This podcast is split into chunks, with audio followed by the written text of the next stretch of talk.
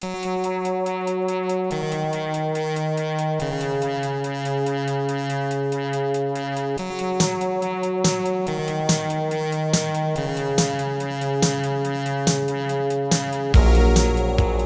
to First Draft with me, Sarah Enni. Today I'm talking to Renee Watson, whose most recent young adult novel, Piecing Me Together, is out now. Renee has written picture books and middle grade and young adult novels, put on a one woman show, and is now the founder of the I, Too Arts Collective, which teaches creative writing in Langston Hughes' Harlem Brownstone. I met Renee at her home, not far from that historic site. It was a cold but clear January day in New York City. Perfect conditions for two women from the Pacific Northwest to wonder about East and West, where you come from and where you're going, and the loopy, wayward paths some of us take to find home. Renee is a woman who writes out loud. By that, I mean her thoughtful poetry is not limited to her artistic output. She's an educator and an advocate, constantly shaping and being shaped by helping others find their voices too. It really was an honor to spend time on her couch, soaking up a lot of wisdom and even more inspiration. So grab a hot mug of tea and maybe put on some early 20th century jazz and enjoy the conversation.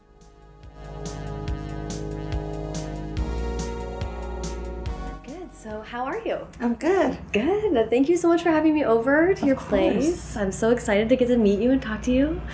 Yay. Um, so, as you know, I like to start at the very beginning, which is where were you born and raised? I was born in Paterson, New Jersey, but Okay. when we were when I was three years old, my family moved to Portland, Oregon. So I was raised in Portland. What made the move? What happened? Why did you move? My parents divorced, Mm. and my mother's family had moved to Portland by then. They're originally from West Virginia. Oh, really? But my yeah, my grandfather, um, his job moved him, and the re- I don't the family just kind of migrated there Yeah. over the years. Everyone's out on the West Coast. Yeah, my I'm- mom is one of 12. So, Really? Oh my gosh. Wow. So um, after her divorce, she just she moved us to where her family was. Yeah. So Portland is really um, home for me. Yeah. Yeah. I'm from Seattle too, so Oh, the I Northwest that. have Hey. big big place in my heart for that. um, uh, and yeah, and, and I have a bunch of questions about Portland. But how? What was it like? I mean, the Northwest is not like the most diverse place in the world. Right. So what was it like growing up in Portland? So I grew up in Northeast Portland, which was the predominantly black community. Um, and so, you know, I grew up in a lot of people in Portland who are in the black community are from the South. Okay. So in a lot of ways, it felt like growing up in a Southern town. Interesting. You know, neighbors who speak to you, and the whole neighborhood is kind of raising each other's children and looking out for each other. Um, we grew up going to church and just had a really tight knit community. But when we stepped outside of Northeast Portland, I could definitely feel like, oh, I'm different, and um, you know, like people would want to touch my hair or Oh wow. just you know ask questions about our neighborhood. I grew up in a neighborhood that for Portland was considered dangerous and like the part of town you don't want to go to. You know, so when I was in other neighborhoods with other young people, they were like scared of my home, and I, and I was like, what? Like, no, it's it's fine. Like Yeah. I've never seen anything bad happen. You know, Yeah. it was um, a very normal childhood. And then I don't know. I think I was in the fifth grade when I really started to realize, like, oh, this is it's not always safe for people of color here. Um, there was a lot of skinhead activity in the late '80s, early '90s in Portland, and skinheads killed an Ethiopian man. Mulugeta Seraw was his name, and I I just will never forget that day that our teacher told us there had been a hate crime in the community. I mean, they literally just killed him. Like there was no altercation. They just were like, the next black person we see, Wow. we're gonna kill. They killed him, beat him with a baseball bat. And so I'm like in the fifth grade, you know, Wow. and just, just was stunned. Like, wait, what? And that was kind of the beginning of me realizing, like, oh, racism exists. And, you know, the way that it was talked about in school when we learned about the civil rights movement was just so, like, long, long time ago. And now everything is so much better. Right, right, right. And so that I learned pretty early that everything wasn't finished. Like the work was still, you know, ongoing. And I always say my relationship with Portland is bitter and sweet.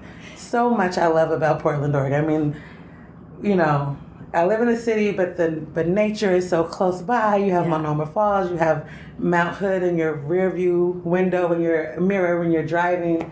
Um, so it's a beautiful city. My family is there, so that's like so many reasons to love it. But there were a lot of things that happened in Portland that just kind of went, I don't know, maybe under the radar. Like it happened and then no one would talk about it. Yeah. This is a very strange, like you could feel something's not right or this, but no one was talking about it really. And ex- like not explicitly, you know? Yeah, and that's that's this is really interesting to me because I feel like that's tr a very kind of a Northwest thing. It's like because I tell people that the, the Northwest is like people are very polite, but it can sometimes just be this kind of surface level, and it's like you, people don't talk about upsetting. th- It's like mm-hmm. can be a tough place to get an honest answer sometimes. Yeah, and when you're a kid, it's very confusing Yeah. because I'm feeling things and seeing things, but when it's not acknowledged and no one is like validating my experience Right. as a child, I was very confused Yeah. about like what is happening and what you know. So it really wasn't until high school that.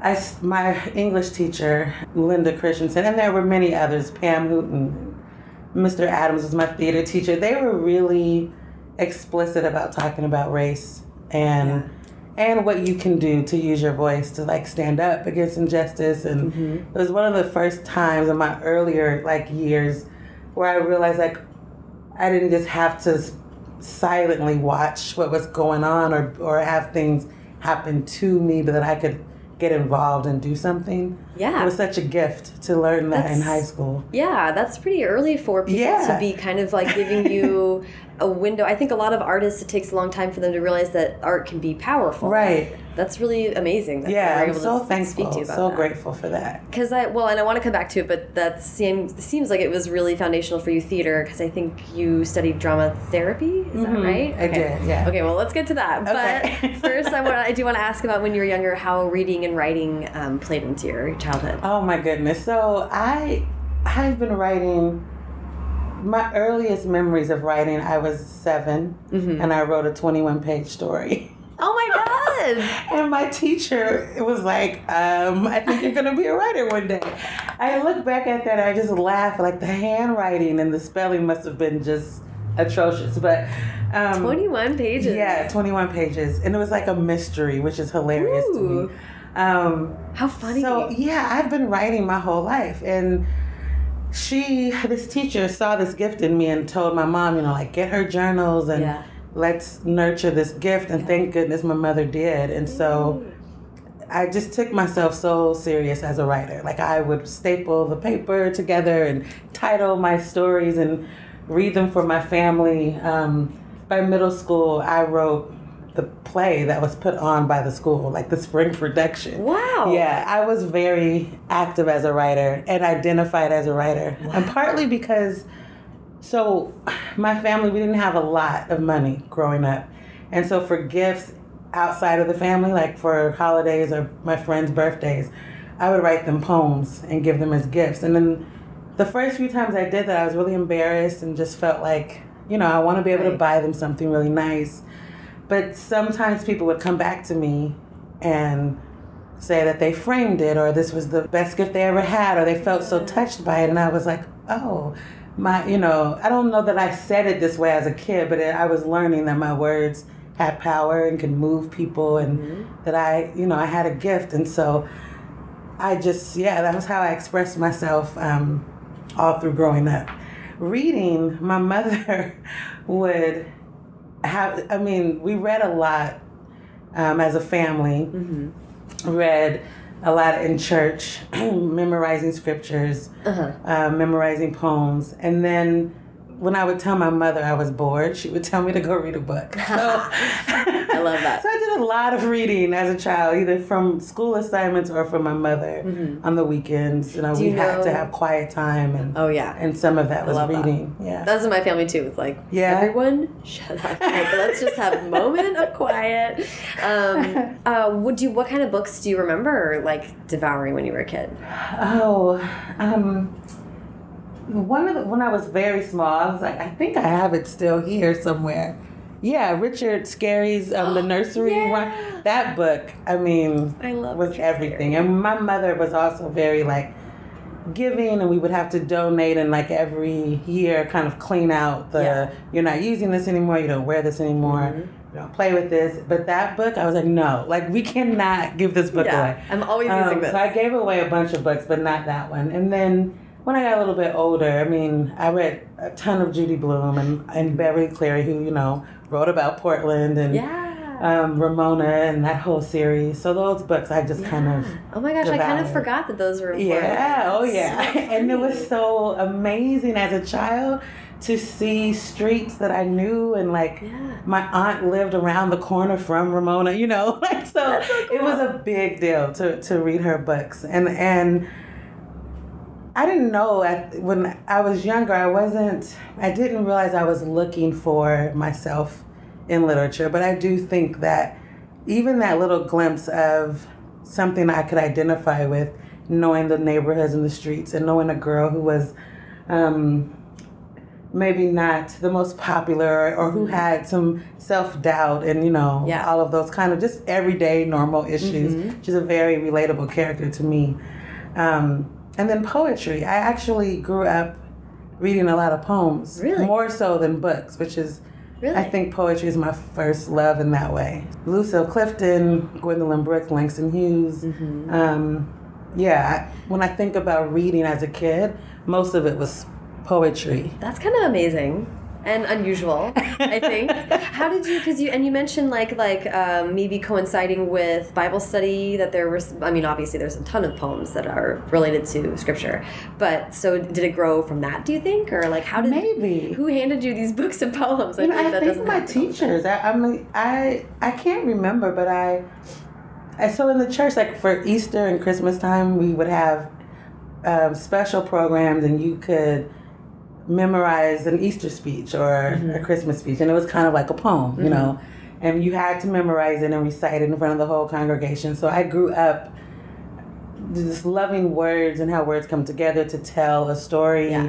and then sharing those words in front of an audience. Um, so I didn't know anything about spoken word poetry or you know anything like that, but I think from early on I was kind of being groomed in that way of, of sharing your words in front of people and um, I don't know. Yeah, I'm not sure. I know in high school it was definitely my teacher, my English teacher was just she loved poetry and we would have units of study that were Yeah. just like how do poets speak back to injustice and um, how can you write a poem in someone else's voice to learn empathy and to you know really get in that character's shoes so even though we would be doing maybe a study on a novel Mhm. a lot of the assignments would be to write a poem Wow. yeah she was fantastic They're like amazing I teachers. know, she's- yeah. Wow. It also, Yeah. It's also striking to me what you're saying about um, the, the kind of the way you're even talking about poems and then you writing them and giving them or or reading them aloud to your family. It's Mhm. like the line between poetry and performance seems to always have been. yeah Those always seem to be joined for you. hmm Yeah, it's something about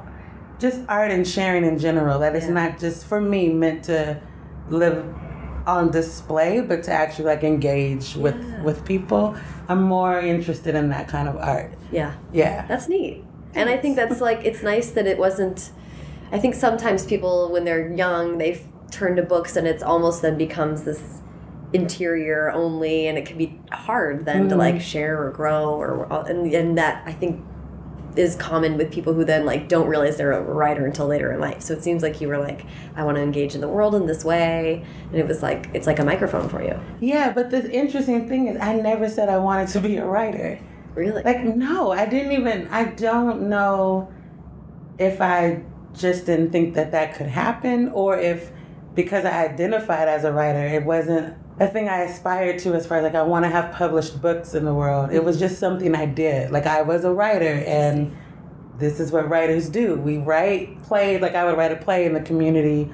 We put it on. Like I'd grab a few friends Yeah. and you bring a lamp for the prop. Do you have any, you know, dishes we can use for that kitchen scene? Like it was grassroots for real. Uh, but I never, I just, I don't know. I didn't necessarily think oh, I want to be a full time writer one day. I just felt like whatever I was going to be doing, Yeah. career wise, I would also be writing. And it wasn't, it really wasn't until college that I was like, oh, like I could do this for a living. Um, Yeah. so yeah, I don't know. It- That's it was a interesting. strange. I was so much in that world, but I wasn't like trying to go to college for writing or Okay. anything like that. What did you? So, well, I'd love to hear then. Like, you're in high school, and you and you do get involved in theater and drama, and Mhm. then how did you decide to, where to go to school? All that stuff. So I was interested in psychology and um, how the arts can help young people kind of cope with trauma and drama therapy and all of that kind of stuff. So that's what I went to school for. What was the root of that? Were you did were people around you dealing with trauma? Were you dealing with trauma? I think so. Yes, I don't know that I had the language to say that traumatic things are happening to me, but I think when you grow up in under-resourced communities, if you're a part of a marginalized group, there's mm-hmm. all kind of trauma that's happening on a daily basis that we just don't process, and we just say, "Well, that's just life," or "That's just how it is," and especially you know growing up in the church growing up as a black woman with the stories of the civil rights movement and the struggle passed down to me there was just this like this is what we do. We get by. We pray through it. We we march. We fight. And we do. And that's important.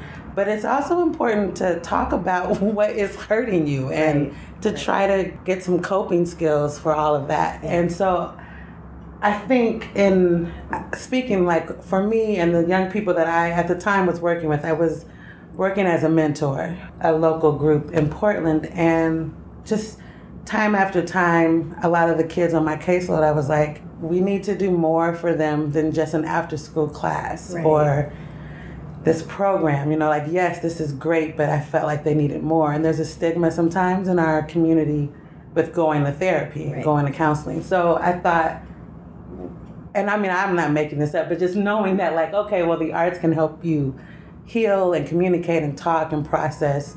So there's something here with Yeah. me doing art and wanting to work with young people. How do I bring these two worlds together? Mhm. Was kind of like my thought process. And I had also, in working with young people, sometimes, like as a guest writer, going into classrooms, students would write really personal stories Mm-hmm.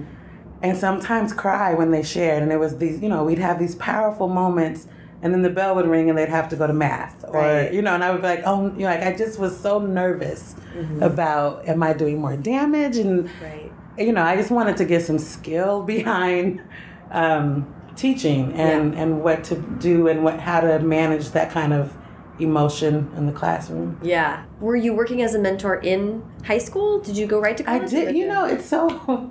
Um, again, that wonderful English teacher. Her name is Linda Christensen. Um, she, I think. Let's see. I was a junior, I think, and she would have me come to her freshman class and awesome. like coach some of the her students in writing. Um, and then through church, I volunteered and worked with younger younger kids. And then my first few years um, out of high school, I was working with middle school aged Mhm. young people. So yeah, there has always kind of been whatever grade I was in, I was kind of mentoring and working with students who were a little younger than me. And were you were was your writing also always? I mean, at that point you are still a young adult, but was your writing always focused on kids and teens? Yes, and I didn't know that either. Like I didn't really, I never intentionally said I want to write YA or Right. picture books or anything. I was just writing stories about the people I knew, Mhm. and and yeah, when I went to when I decided in college that I wanted to take some writing classes, I got guidance, you know, from my professors who were like, "Oh, well, you really have a voice for young adult," and that's when I just started to learn like this is a thing. This is you know, Right. but in high school, I don't remember any of my teachers saying to me like, "This is a YA book," or "This is a." We just read, and we read widely, so we also read a lot of books that, you know, were for adults. I guess like Zora Neale Hurston and Toni Morrison. We were reading that Yeah. also. So I just thought writing was just the Just just, writing. writing.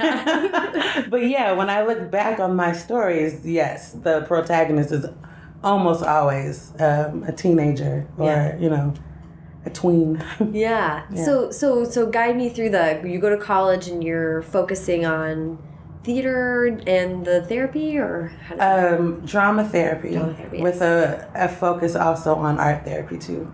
And then I took courses in creative writing. Okay. And then eventually just really narrowed my focus on writing for children. And then I took a leave from school and then came back to school and went to the new school and finished my degree there. And that's when, that is really when I was honing the craft of writing and thinking about, yes, I want to be published and how do I do this and, you know, making connections that way. What was do, do you have like a moment or was there something that made the flip switch to say like I think this is my calling? Hmm.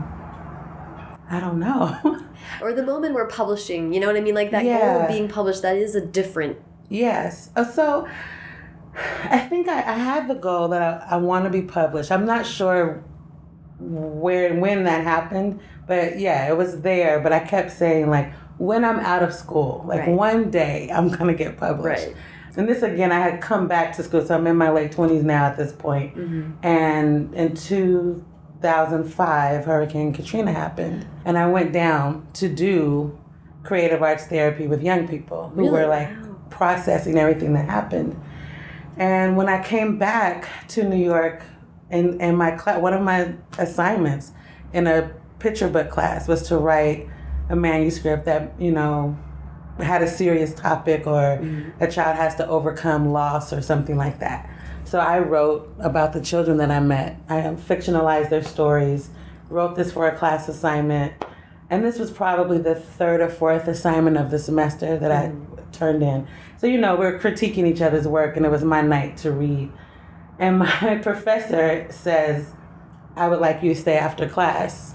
And I was like, really? College? What? I just felt so like, this is strange. What am, am I in trouble? I can't. Right.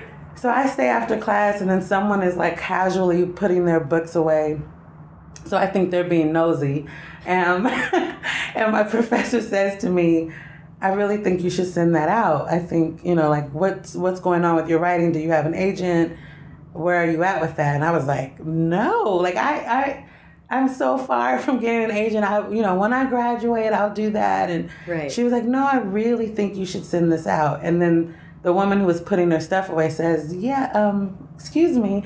Actually, I didn't want anyone to, you know, know this, so I didn't say anything. But I've been wanting to talk to you. I was going to wait till the end of the semester. I'm an editor at Random House.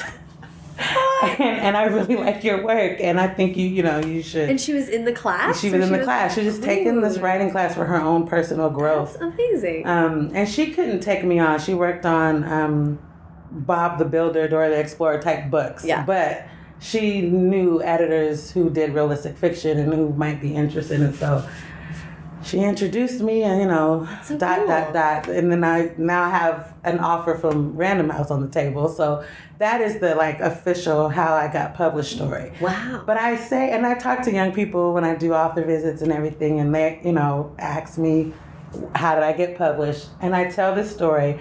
And then I say, so that could seem like, oh, you were just lucky, or it is about who you know, and it doesn't matter, you know. But I'm like, no, that assignment, I wrote that at least, I don't know, seven or 10 times before even submitting it just for my homework assignment, you Right, know. right. I had really taken time all these years building up to this moment of perfecting my craft and taking myself serious as a writer, taking classes even when I wasn't a full time student, um, and putting my work out there Yeah. before thinking about a big contract, but just like, you know, pushing myself to get my work out into the world. Mm-hmm. So I think it was just all these things lining up in this moment.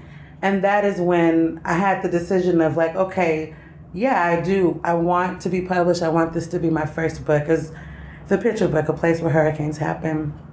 And from there is when I decided that I was really going to pursue a publishing career and had to think about what types of stories I wanted to tell. And that it couldn't just, for me, I didn't want to just, you know, I have stories that I write in my journal that probably will never see the, the face of day.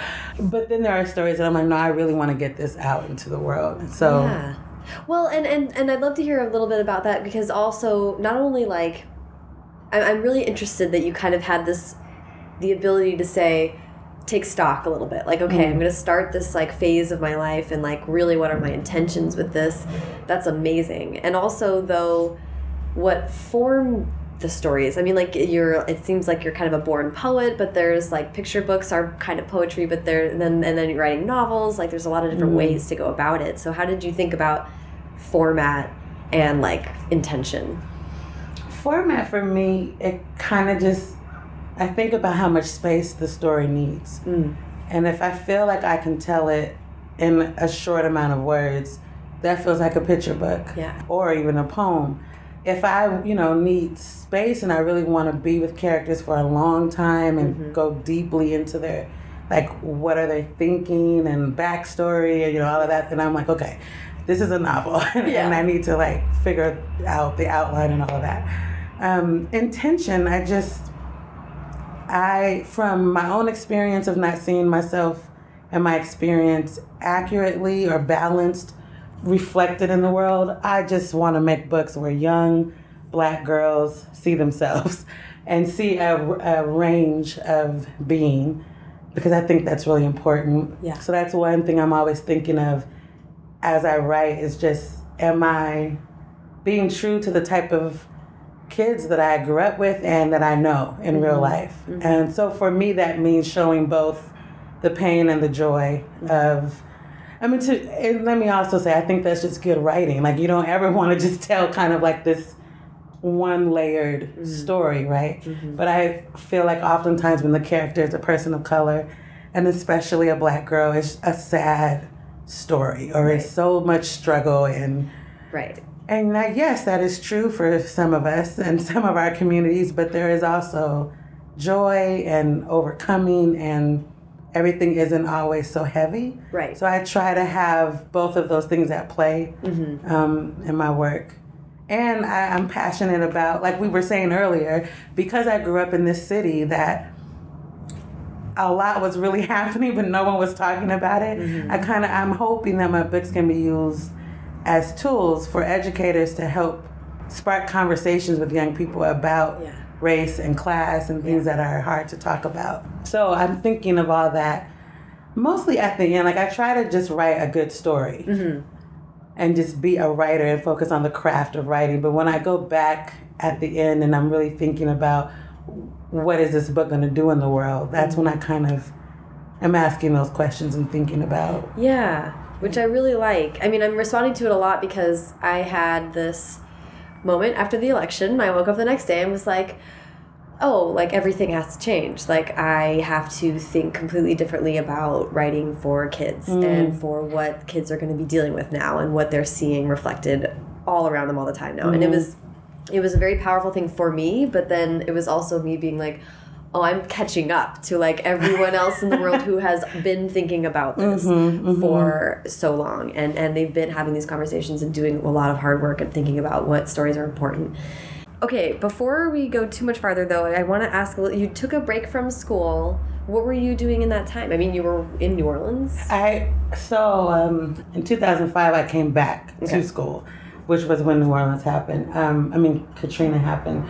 When I took a break from school, it was because my mother was ill, Okay. and I went back to help out and take care of her, and then stayed in Portland longer than I thought I would, and. Um, I ran a nonprofit there Okay. worked with young people. Got us some like real life experience, and then came back to New Yeah. York to finish school. And that was one of those when I was talking about um, working with kids, and they were bringing up so much emotion in the classroom, and that's when I was like, I want to get more training, and mm-hmm. yeah. So those years off, I was working. I love stories about people who take a break or even a gap year before they start college, and then like mm-hmm. whenever people go back to school, it's with so much more focus. and Yes, you're yeah. like now I know a thing or two and what I need to focus on. Yeah, for sure. And how is it? Okay, well let's let's. I I'd love to talk about that going a little bit back and forth with Portland with um, this side of home because it's striking to me that you you set out on your own from Portland to New York then went back. And then when you were able to take that next step and go back to school, you came back to New York. It seems like New York is the city where you're like, this is my goal. Like, this is where I'm doing my work. So Portland gets caught up in a little bit of like being home and these feelings of I don't know.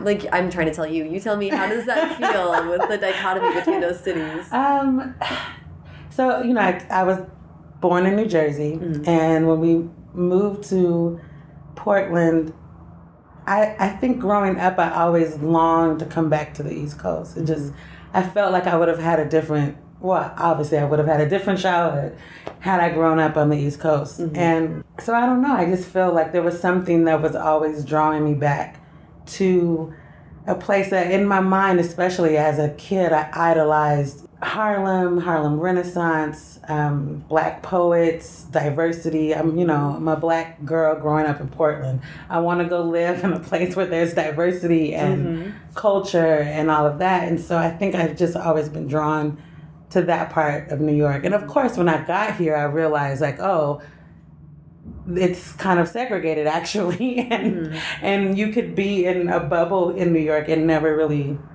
have to engage. You may see people who are different than you, but it actually takes effort to have meaningful relationships with people. Um, so I, I definitely grew up by moving here and realizing that. But I think that's part of the attraction to New York is that I, I have been able to be inspired in a different way than when I'm in Portland.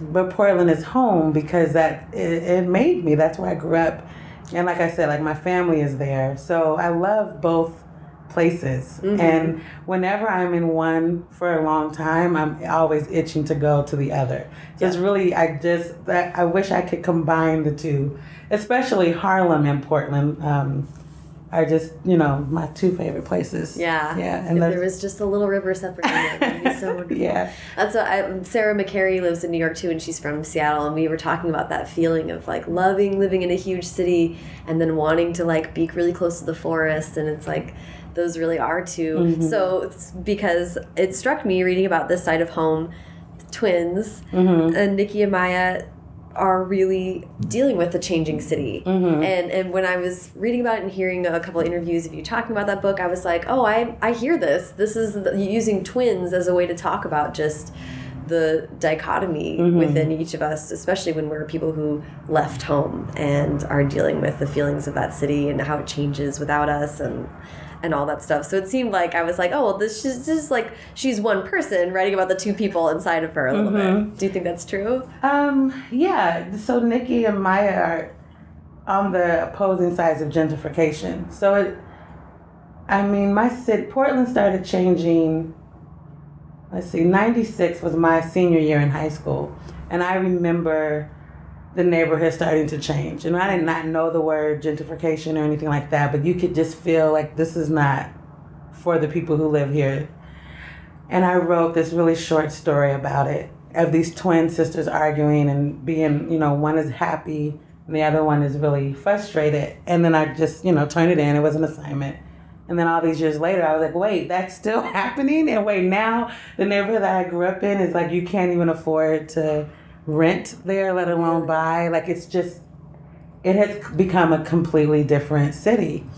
And you know, Brooklyn and Harlem and and and. Yeah. So I just wanted to go back to that story and, and unpack it some more.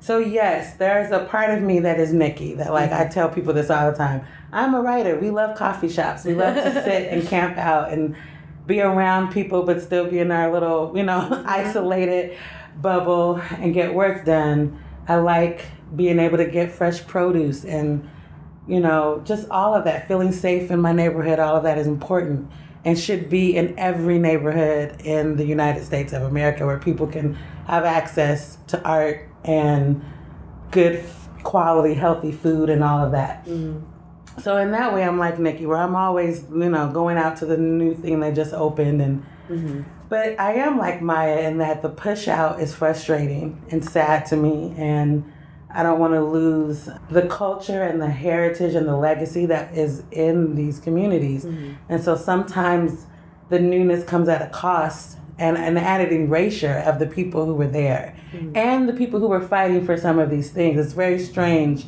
to know that some of the women who are like writing letters about fixing the sidewalk and making it accessible, you know, for wheelchairs and all that, or getting a stop sign, like those practical things Right. that gentrification also brings.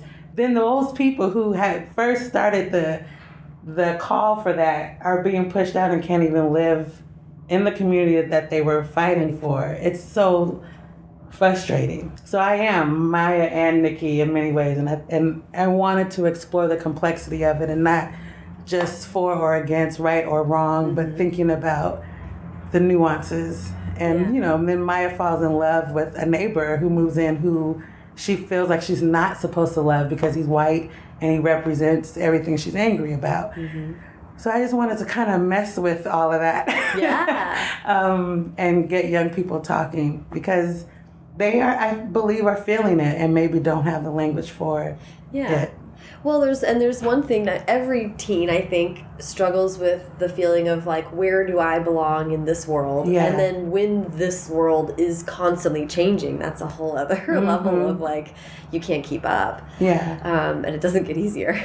Yeah. And when the world is telling you that you belong, but you can feel it showing you otherwise. right. You know, so their best friend, Essence, who lives across the street, she's been living in this house that has not been kept up by the landlord all this time. And when he's ready to sell it to make money, to flip it, he comes in and does all these renovations and then tells them, But you can't stay. I'm going to.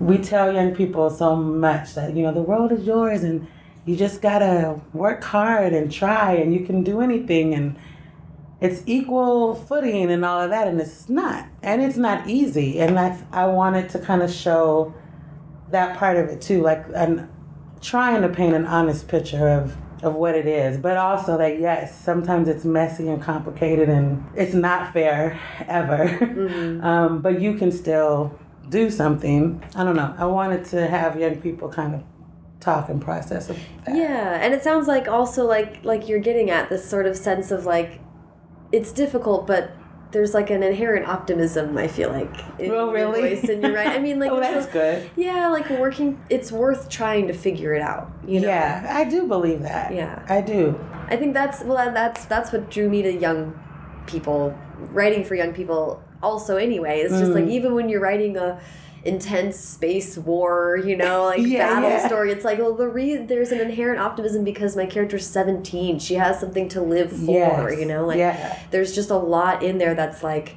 This isn't a middle-aged professor story like we grew up in high school reading or whatever. All that stuff. I'm Mhm. like, this is like a young person, then they're, and they're shaping the world around them. That's like drives so much that you can't um, underestimate. You know? Yeah, well, and that's the age that you want to get them, right? You- know, I want young people. We are so extreme in our teens. Like, we're Oh really, really angry or really sad or really love, you know? And so to get a young person that is really, really um, coming to terms with their own power Mhm. and that they could do something in the world, I, that is a great time, I think, to have a person explore that so that it can hopefully stay with them Mhm. and not be this new discovery. Not that if you come to that at 30, hey, that's great. Mhm. But I just feel like teenagers have um, less walls around like taking risk and speaking up.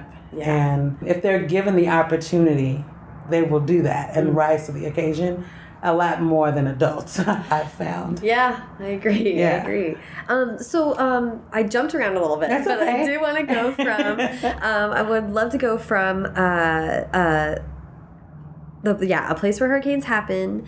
Um, so you get this opportunity, first book deal. You're thinking about this new career. Where do you go from there? So from there, I was graduating. That was my last year finishing my degree. And that was when I decided I'm going to stay in New York and just give it a try Yeah. and see what happens. Um, and that summer, I worked on What Momma Left Me, which is a middle grade novel. And that was sold to Bloomsbury. And that started my relationship there, which I'm still with them. And yeah, I just, I started um, kind of piecing together a way to have time to write, but also make money because you know children's lit Yeah, it's not the most lucrative profession. So I was a teaching artist for many years, for the last like ten years. I mean, even before that, but in New York, I taught through two organizations, Community Word Project and DreamYard.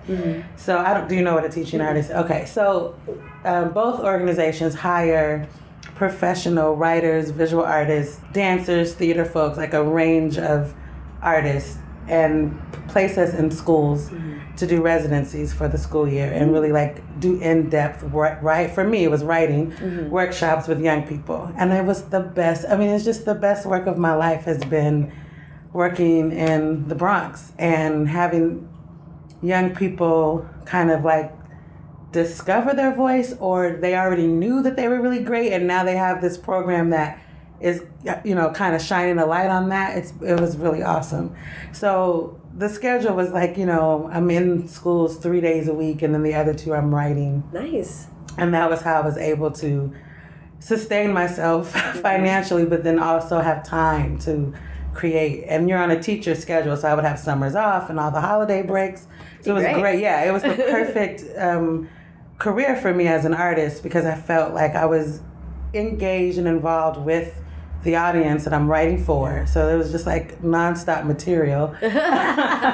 Um, but it kept me teaching writing makes me a better writer. You know when i have to explain just the practical stuff of writing and not the magic part of it it really helped me um, hone my craft too. So Yeah.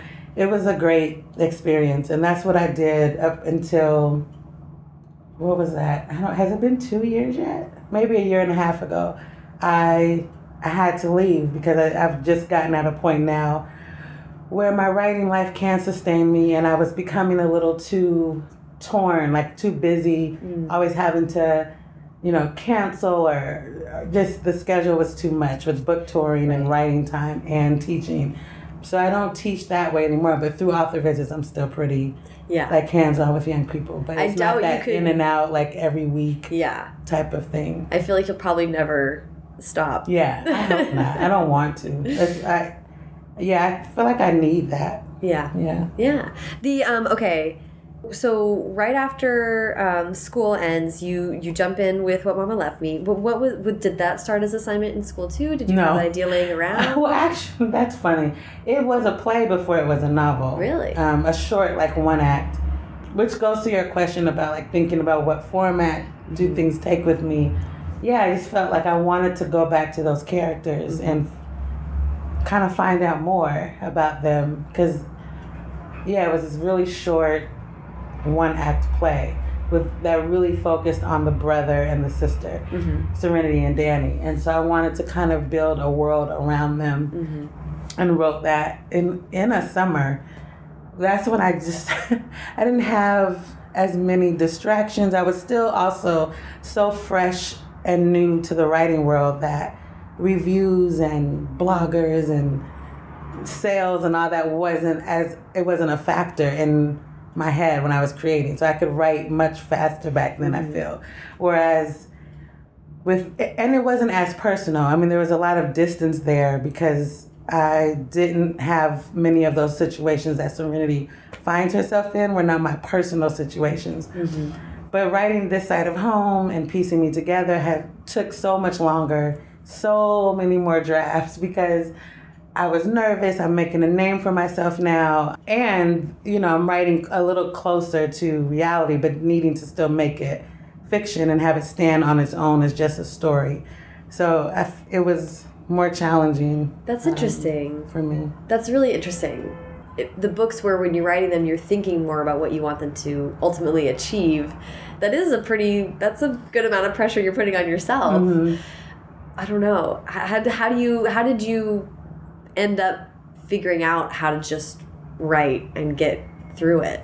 just you know, journal writing. So I, I would I force myself to journal so that when I'm writing I can be creative and not you know it's not an essay it's not a I'm really trying to have a moral of the story here folks and this is really the writer trying to tell you something like I got to get all of that out of the way. So um, so that I can, you know, have a plot and actually have a story happening and not just rehashing things or, you know, so part of it in a very practical way is just like getting myself out of the way, which for me is writing in a journal or going on a walk or then just talking to friends who I trust and who really know me, and I just can be very honest about my fears. Mm-hmm. And this is not going to be any good. No one's going to read it. You know, like all of that. Right. You have to have that person, and then readers who I have just like two or three really trusted readers Yeah. who I they're reading for different reasons. I'll give them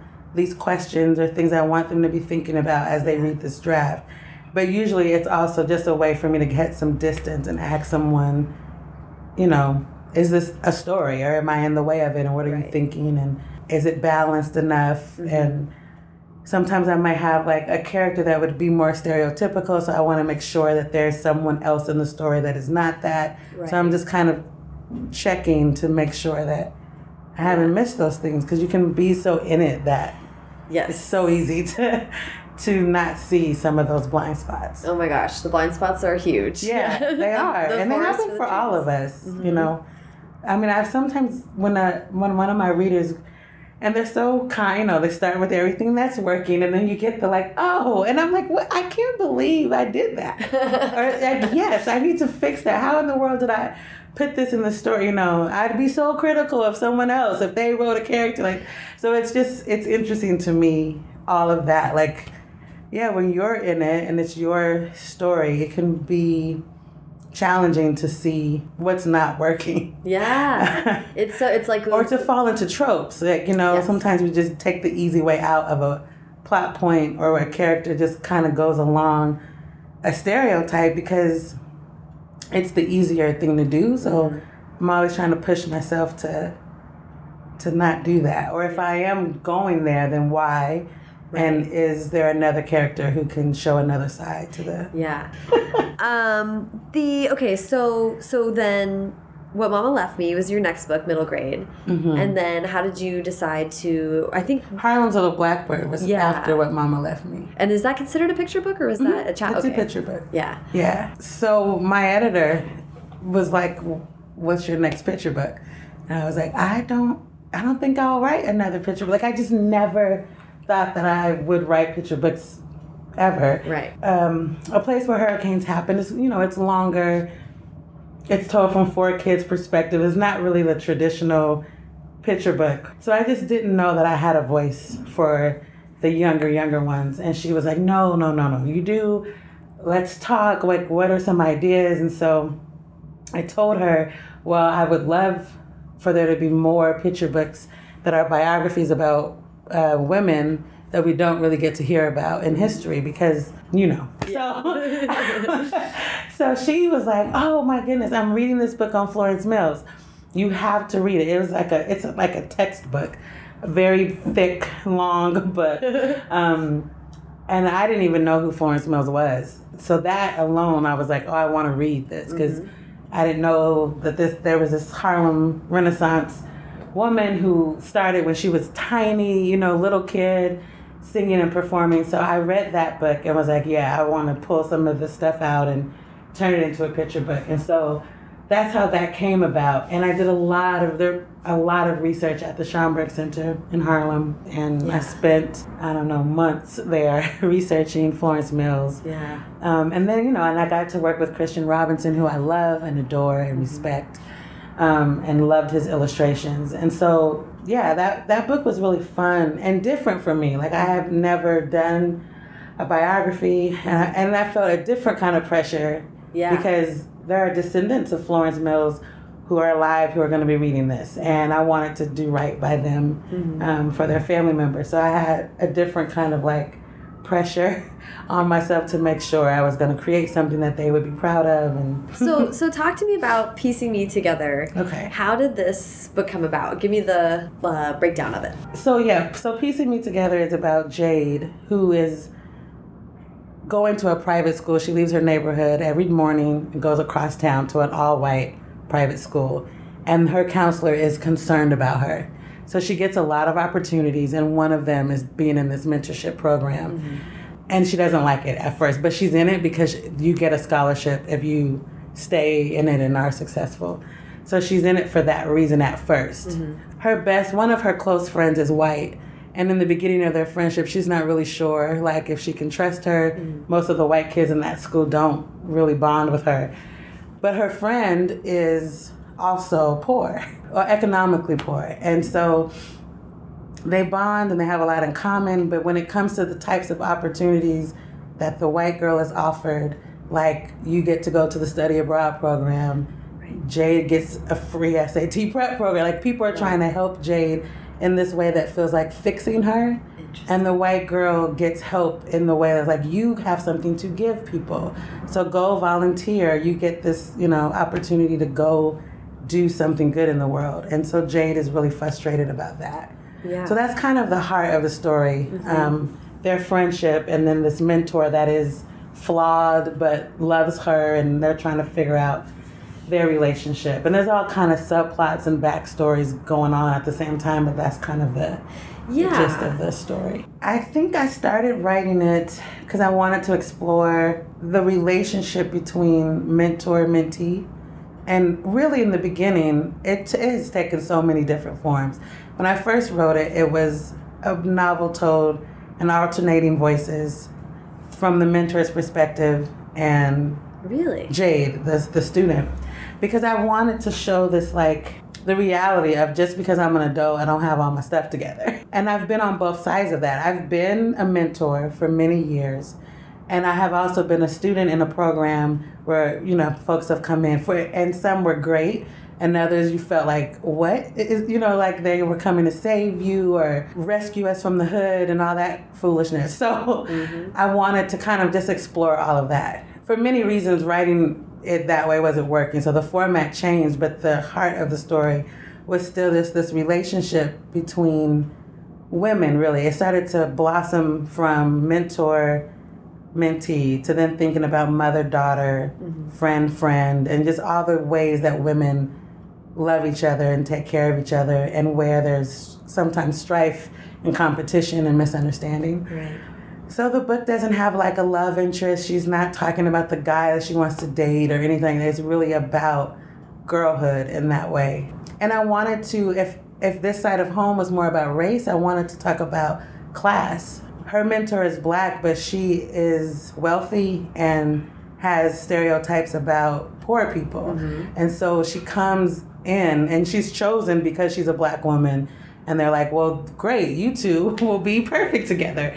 And that you know that's not the only thing. People there's all this intersectionality in our lives. And so they don't really connect at first. I'm interested in, and what's the name of Jade's mentor? maxine. Maxine. So, to me, I was I, I'm wondering if this was also part of you teasing out the difference between a mentor and an educator. hmm. Because to me, that seems like there's a real big difference. It's a subtle difference, but when you get into it, thinking about trying to be a mentor versus being an educator, they're really different requirements. I don't know. What do you think about that? yeah no i agree with you that they're very different. I don't know that that was on my mind at all. Um, but i love though when people read my work and then they come with other ideas i'm like oh yes that's happening there. Um, no in the book i mean there's this program you know they go on field trips. They have a, like a monthly outing and they're taking the girls to the symphony or like a fancy dinner and it, it starts to feel like for jade something must be wrong with my neighborhood because everything we do is like far away Oh, yeah. um, like nothing that she would be exposed to and of course that's one of the reasons why they're doing it because they want to expose her to the world and she's like I live in the world. I live in the real world and I want some real practical advice if you're going to mentor me about how to balance my checkbook. Right. So I'm not struggling like my mom. Like give me some tools instead of like boy talks and let's go get our nails done. Like she's just kind of wanting more from this group um, and kind of pushes to get more. She's advocating, learning how to advocate for herself and find her voice. Um, and the backdrop is Portland again, and you know, a city that is constantly changing. And how does race play out on the larger scale of the city? All of that is going on too. So she's trying to find her place and like speaking up for herself and speaking up for her friends who can't go to this private school, mm-hmm. but in a lot of ways are maybe smarter than she is, you know. So she knows that it's not just about working hard or wanting it or dreaming big, like we tell young people, Right. that it's also about who gets what kind of opportunity and what school district gets what kind of resource, you know, all of that kind of stuff is at play too. And the idea that, yeah, you can come into a community and maybe there are things that need to change, but what is working? And how do you highlight that and celebrate and honor people's lives instead of making them feel like something's wrong with them? Yeah, because it's to me it's tricky because the mentor, you know, the concept of being a mentor, it's like preparing someone for life almost like emotionally or in these i mean like an educator has these pretty clear cut goals and there's a system where Mhm. you're working within that kind of and a mentor it's like it would be so easy to bring all of your own stuff to it and put that on this young person and i think it takes a gifted person to be able to just see where the young meet the young person where they're at Mm-hmm. and try to avoid putting all of the, their own baggage you know like that's a tricky Yeah. thing and it seems rife for these kinds of relationships Yeah. where it's like you're you're give and take you're you're finding out more about yourself almost even Mm-hmm. Yeah, Maxine definitely grows a lot and comes to term with to terms with some of the issues that she's kind of carrying over from high school as she went to the same high school that Jade is at. Okay. And it's kind of the opposite, right? She's a woman of color and was very wealthy. So in in some ways she was accepted, but then in other ways not. And so they both end up, you know, having that conversation of where they meet mm-hmm. and then where they differ and they kind of work through that. And there's some things about Maxine that she needs to speak up about in her personal life with this guy she's dating that Jade is like, How are you gonna tell me anything when clearly your your life has some issues? Which I think is the thing, right? Like we all have our stuff.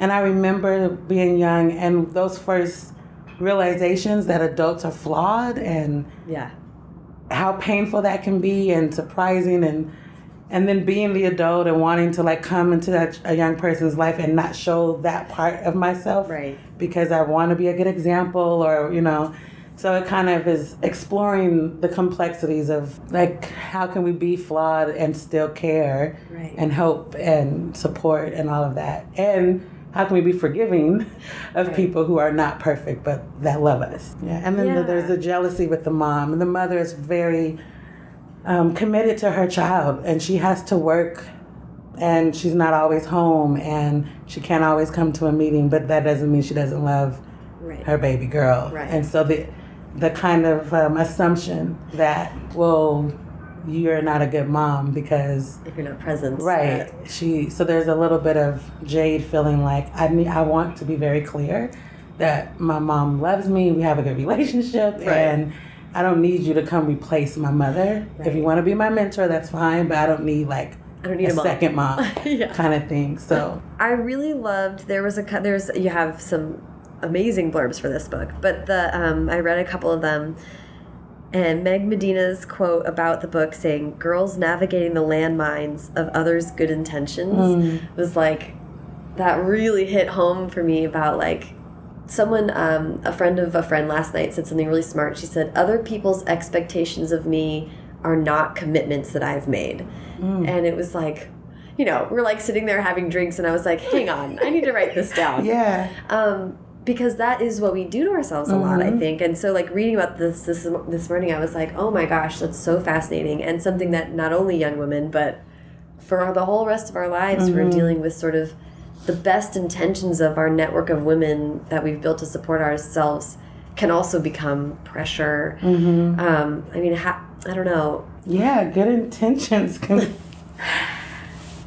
can be very costly for an individual. And I say a lot of time that it doesn't necessarily matter what your intentions were Right. if you've hurt someone or if they're expressing to you like this is not what I need or what I want. I think the excuse sometimes, and I'm talking about anything from like from microaggressions or I didn't mean to offend you or from nonprofit sector coming into a community with programs that the classrooms are empty and they're not getting the registration like they thought. Well, maybe you need to ask what the people actually want Right. and not just assume Right. this is what they need, you know? So I think a lot of times intentions are in the right place, but the impact of those intentions sometimes are hurtful. Mm-hmm. And it is not the responsibility of the person who's been hurt by your good intentions to fix that. Like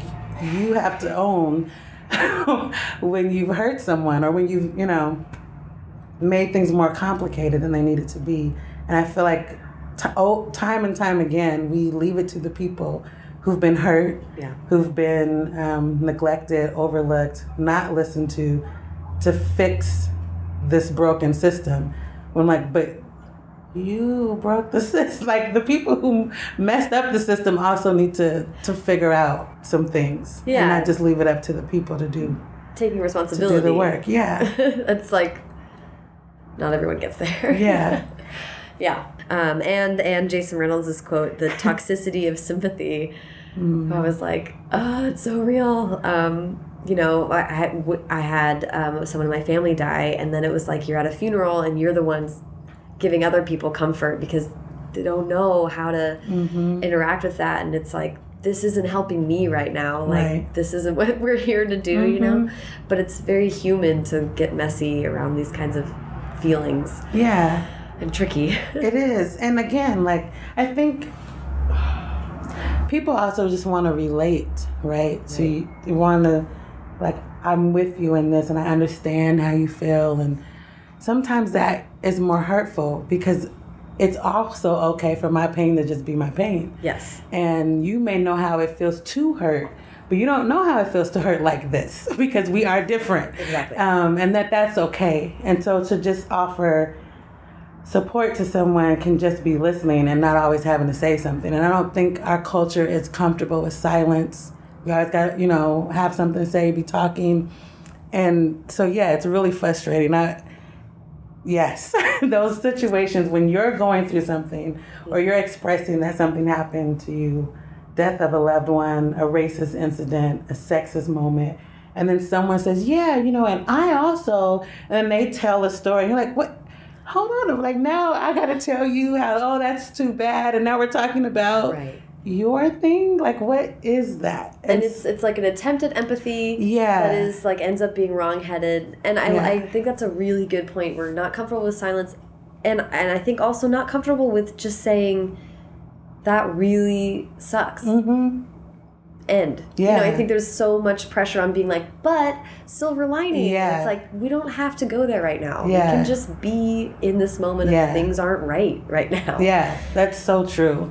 It's hard. It is hard, and it's not. I mean, it's not something that we, as a like society. I mean, I you know, individual groups. I think sometimes it, it's more likely to do that, but mm-hmm. as a whole, our culture is not about silence. We're about having answers and who Yeah. can speak the loudest and who can be the smartest in the room. Like sometimes I also feel like in those moments, it becomes not even about the person anymore, but just you want to save the day or give some good advice. And so then it's about you. And that's really a selfish thing Yeah. to feel like you want to be the one to fix someone or to be the solution Yeah. instead of them being their own solution or giving them time to figure things out. Yeah.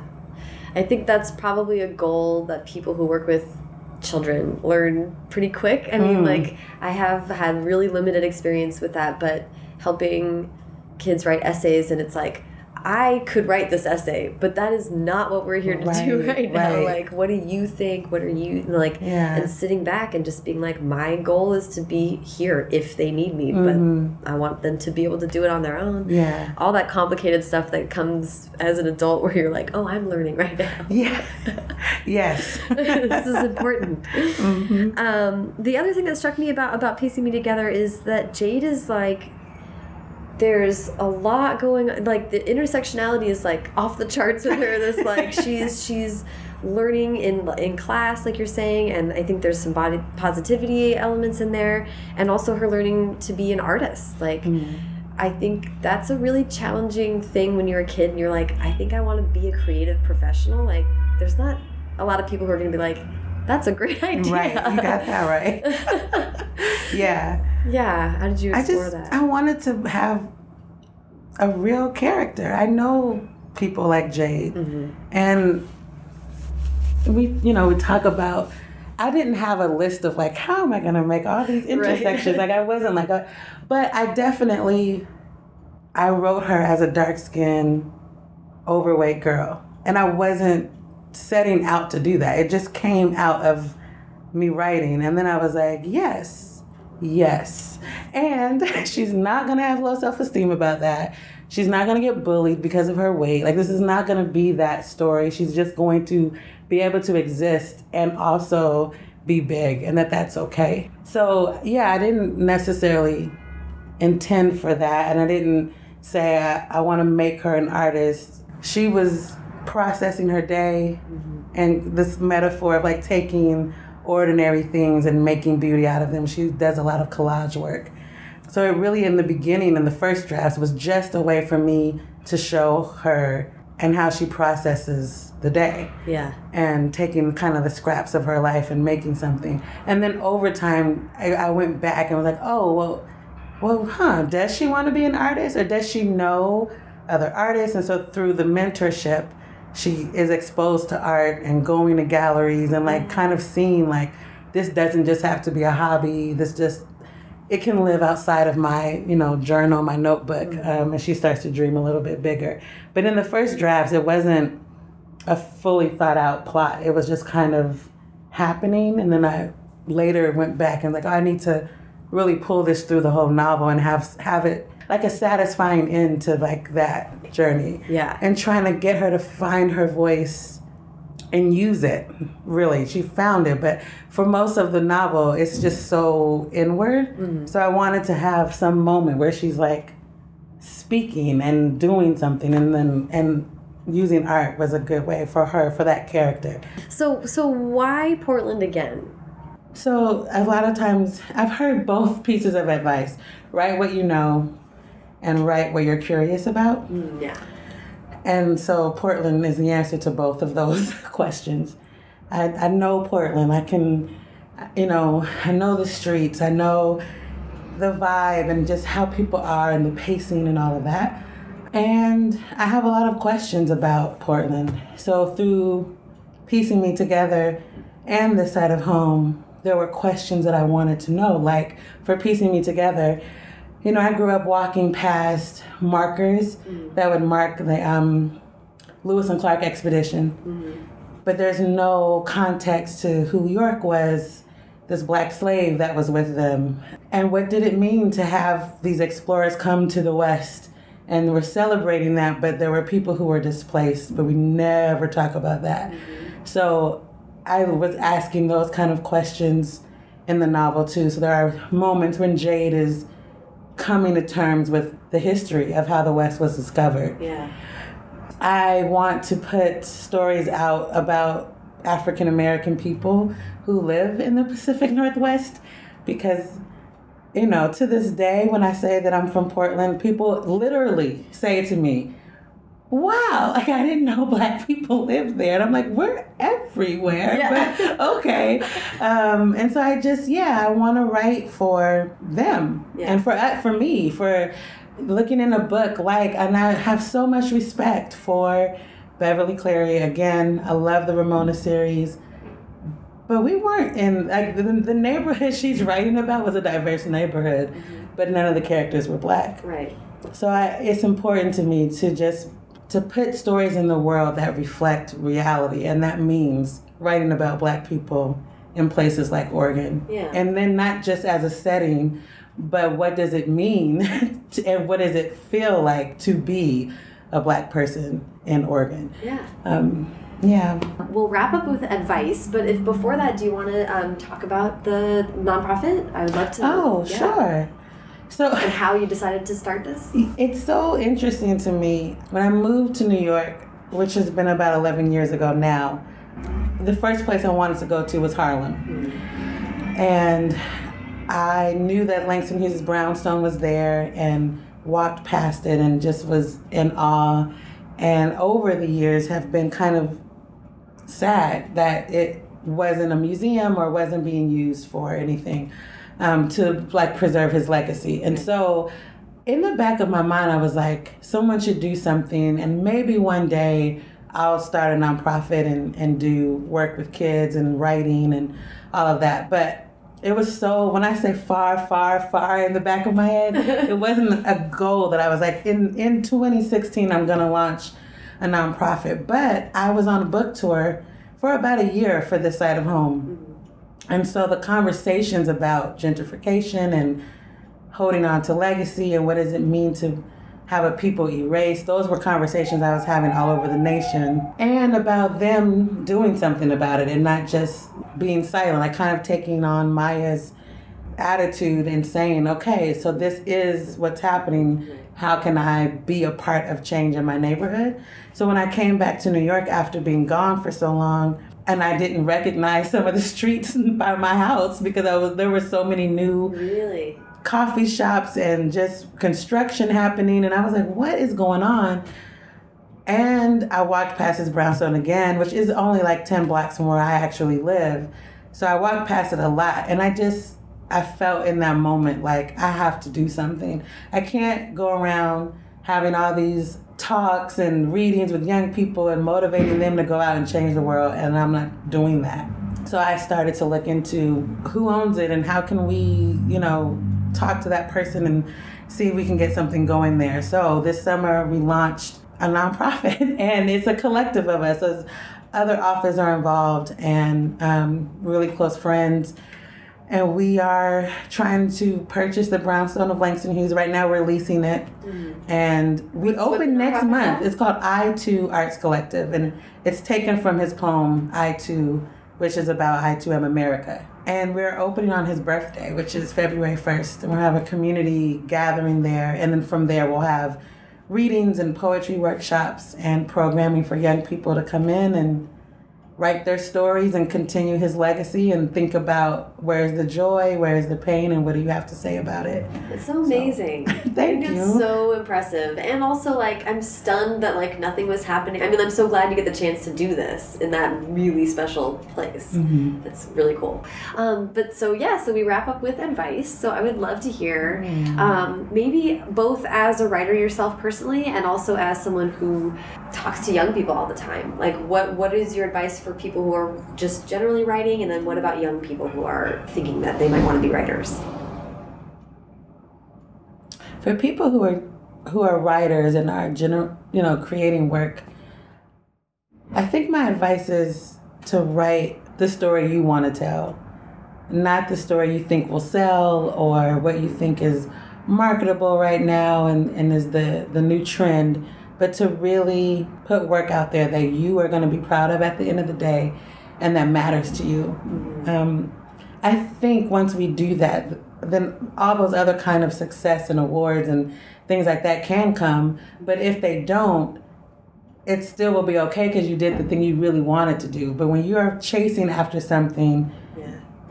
for awards or recognition, um, I think that's the wrong motive to have. Um, so that's my advice: is to stay true to the types of stories you want to tell.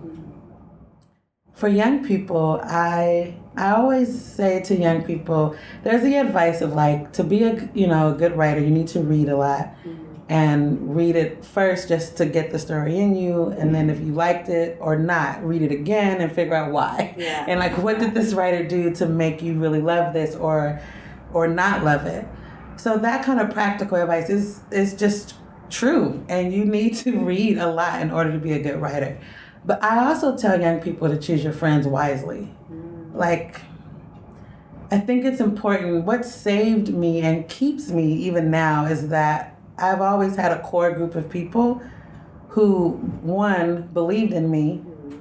So they were pushing me to be my best self, meaning they're not trying to get me to skip class or Right. get caught up in a relationship that was not good for me and like all of that. They were just good friends who cared about me and weren't jealous either of my success or anything that was happening. Um, and then two, they had goals and dreams. They didn't all want to be writers, but they wanted to be something. And so hanging around people who are uh, who are dreamers and are like about something um, has been motivating for me, and we kind of rub off on each other and keep each other accountable. And I think that that's really important, whether you want to be a writer or not, but especially if you want to do something creative. Uh, it's important to have people around you who are going to understand that you can't always be out and going places. You have to be home creating and. Yeah. And that they'll still love you and be there when you can kick it. I think that is such a good way to say it. That people who are about something, um, and I like that people who are about something. Like you gotta have something going on. You know? yeah. Bring yeah. something to the table. Like we can all help each other, and that Mhm. makes a really constructive and like really powerful friendship. I love Yeah. that. Go from there. Mhm. yeah. Yeah. Find your people hmm and hold on to them. Yeah. Um, thank you so much. Thank you. This It was so good talking with you.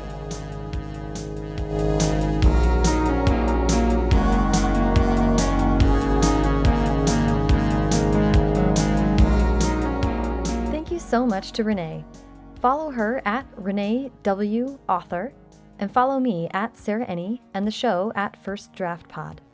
You can also check out the show on Instagram and Facebook, but for show notes with links to everything Renee and I talked about, as well as a searchable archive of the more than 90 previous episodes of this year's show, and sign up for the First Draft newsletter, check out firstdraftpod.com.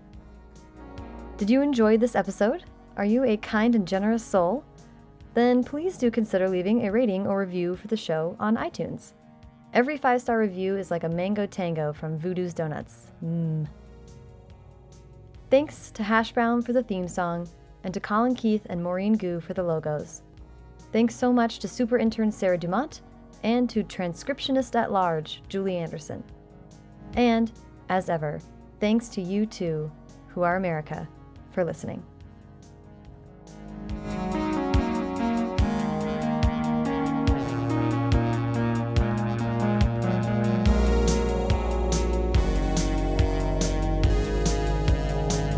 Yeah, that's really neat. Um, so okay, so Did that answer your question? It, yes, it did. It did. Okay. Absolutely. Yeah. Um, and I'm like, I'm sorry. Like, we're like jumping all over the place, but that's okay. It's, um, so I'm like, who even knows? That was a great answer to whatever question it was. um,